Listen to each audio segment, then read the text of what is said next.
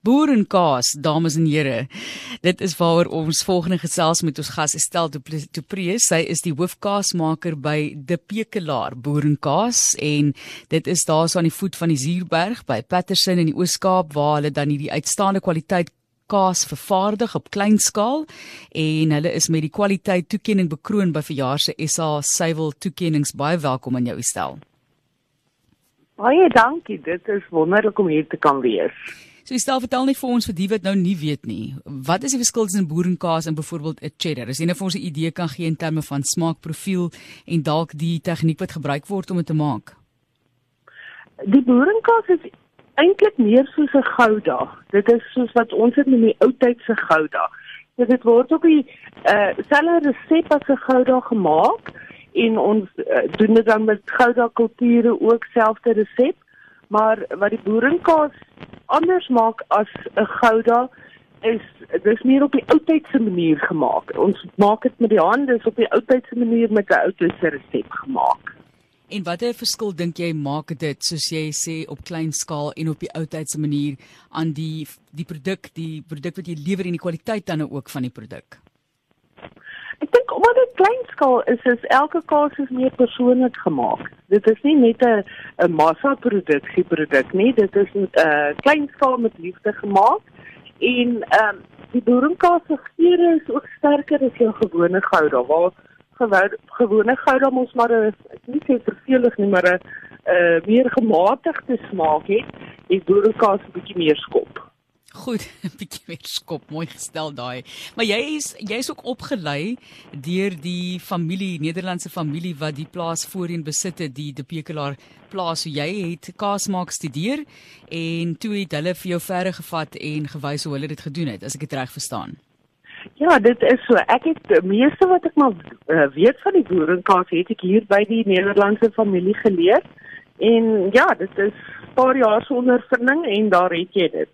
So wat doen hulle wat ons nie doen in Suid-Afrika as dit kom by kaas maak nie? As jy vir ons dalk ook 'n bietjie kan verduidelik hoe die tradisionele tegniek toegepas word, wat dit is spesifiek en hoe julle dit doen. Ek dink die, eh, die groot ding is maar die hoeveelhede wat jy gebruik. Ons het uh, baie kleiner buddens waar die massaproduksie ouens nou groot buddens het wat hulle die kaas mee maak. So ons maak dit eintlik meer klein skaal, klein hoeveelhede. So dan kan jy meer persoonlik met dit werk. Nou, jy is ook bekend vir die feit dat jou styl, jou tegniek is baie uniek. Hulle sê jy het 'n flair, as ek dit so kan stel. Hoekom dink jy sê hulle dit en wat dink jy maak jou uniek van ander kaasmakers? Want dit is eintlik nogal snaaks. Ehm um, ek sê baie van mense kaas maak is soos koekbak. Elke persoon maak maar sy koek op sy eie manier. Maak nie saak of jy dieselfde resep vat nie, dit is maar jou gevoel wat jy daarin sit en uh verder 'n paar goedjies wat uh, uniek is aan die kaas soos jy tipe water wat op die plaas is, jou omgewing, alles speel maar 'n rol met die kaas maak. Ja. En dit word gesien as 'n ambag, né? Nee? Dis eintlik as jy kyk na die term artisanal cheese making, dan is dit eintlik 'n 'n vorm van ambagspersoon wat jy is.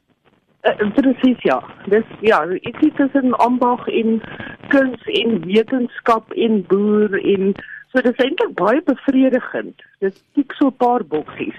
So kom ons gesels net gou 'n bietjie oor, jy weet, mense praat altyd van die feit dat jy nie die wiel van voor kan uitvind nie. Jy weet jy kan dit nie van voor af uh, of jy dit verbeter noodwendig voor dit ook al sê nie. En as 'n mens kom by kaas en jy het nou hierdie fantastiese kaas gemaak, wat dink jy beïnvloed die kwaliteit? As 'n mens nou dalk kyk na die wynmaakproses, is dit die die klimaat daai jaar, hoeveel het reën wat geval ja, het, al daai tipe van dinge wat dit beïnvloed?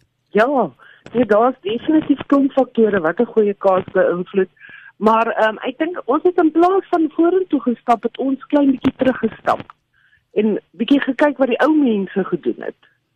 En soos ek sê op die ou tydse manier dinge gedoen het, want onthou hulle het dit reg gekry om dit goed te kon doen. Ja. So dit is presies wat ons probeer doen om 'n goeie klein handgemaakte persoonlike produk te kan lewer. Jy weet want mense sien so baie word geëksperimenteer met geure byvoorbeeld en hierdie tipe van ja. geur word bygevoeg en daai tipe van ding. Hoe voel jy daaroor? O ja, dis wonderlik. Gelukkig die boerenkaas kan mens met klomp geure, kleure, geure, enigiets mee eksperimenteer. Maar ook gewone kaas, dit werk goed saam met klomp verskillende goed wat jy nie eens kan glo nie. So wat is jou gunsteling kan ek maar sê geur wat jy sal insluit in 'n boerenkaas? Nou, ek het ongelukkig het elke ek elke maand 'n ander uh gunsteling, maar ek dink op hierdie stadium hou ek van die green peppercorn of die groen peperkorrels.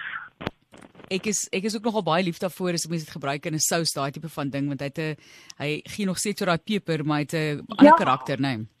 Ja, presies en dit lyk ook mooi. En dit maak skep grasgroen kolletjies in die saam met die geel kaas. So dit lyk pragtig. Ons het nou baie gepraat oor jou aanslag en oor die tegnieke en die feit dat jy opgelei is nou deur 'n Nederlandse familie, maar kom ons praat bietjie nou oor die koeie asseblief. So La Weivelde blykbaar waar hulle hulle self bevind. Wat maak hulle spesiaal wat bydra tot hierdie produk? Ons het 'n uh, gemengde kudde. So dit is maar 'n uh, van New Jersey tot jou vriese, dis of het, uh, wat gemeng is. En ons het gevind dit maak die, die beste kwaliteit melk vir ons uh so 'n bietjie die the best of both worlds soos wat jy dit kan sê. En ehm um, ek is baie baie tevrede met die melk wat ons het en ek is doodseker dit maak 'n groot verskil in die smaak van die kaas. Is jy betrokke by daai proses ook? Nee, ek is die gelukkige ou met net te kan inkoop. Ek het net geweet het of jy ook die koeie gaan melk of nie, maar dis harde werk op daai nê. Ja, nee, ons het ook een boer wat dit vir ons lewer en ehm um, ja, hy weet presies wat ons wil hê in die kaas en gesels met sy koeie en speel musiek en die klas van dinge. Pragtig. Sê vir waarmee ehm um, waaraan werk jy op die oomblik? Waarmee eksperimenteer jy tans? En ons is ehm um, besig om kyk met die boerenkaas om 'n bietjie groter gaatjies te kry, amper soos 'n emmentaler dat 'n ou ja, met 'n spesifieke kultuur wat jy hy gee so leterige uh geur aan die kaas. So dis waarmee ons probeer op hierdie stadium speel. En is dit is dit al is dit al amper daar? amper goed genoeg. Ja, nee, dit is so, dit is maar ehm um, ja, is uh, moeilik om kaas te maak want as jy kaas maak oor 3 maande kan jy dan sien of dit reg was. Ja jy moet tyd gee, né? Dit ja, tyd. Tyd, ja. Ietsie verskil en verander en oor 3 maande kan jy sien of jou of jou poging vrugte gewerp het. Maar ons hoop dit gaan vrugte werp soos wat hierdie produk wat die kwaliteit toekenning ontvang het by die SA Suiwel toekennings wat al so lank aan die gang is. Ek het nie geweet hulle is al vir so lank op die been nie. En ons sê vir hulle baie baie geluk Estel de Pre dan die hoofkaasmaker by De Pekelaar Boerenkaas. So as jy hom in die hande kan kry, laat ons weet wat jy daarvan dink. Baie sterkte vir die harde werk Estel. Baie dankie. Dit was heerlik om met julle te gesels. Die harde werk en die handewerk, soos hy sê, nog die ou metode wat hulle gebruik om daardie kaas te maak. Baie baie dankie daar aan die voet van die Zuurberg, pragtige area.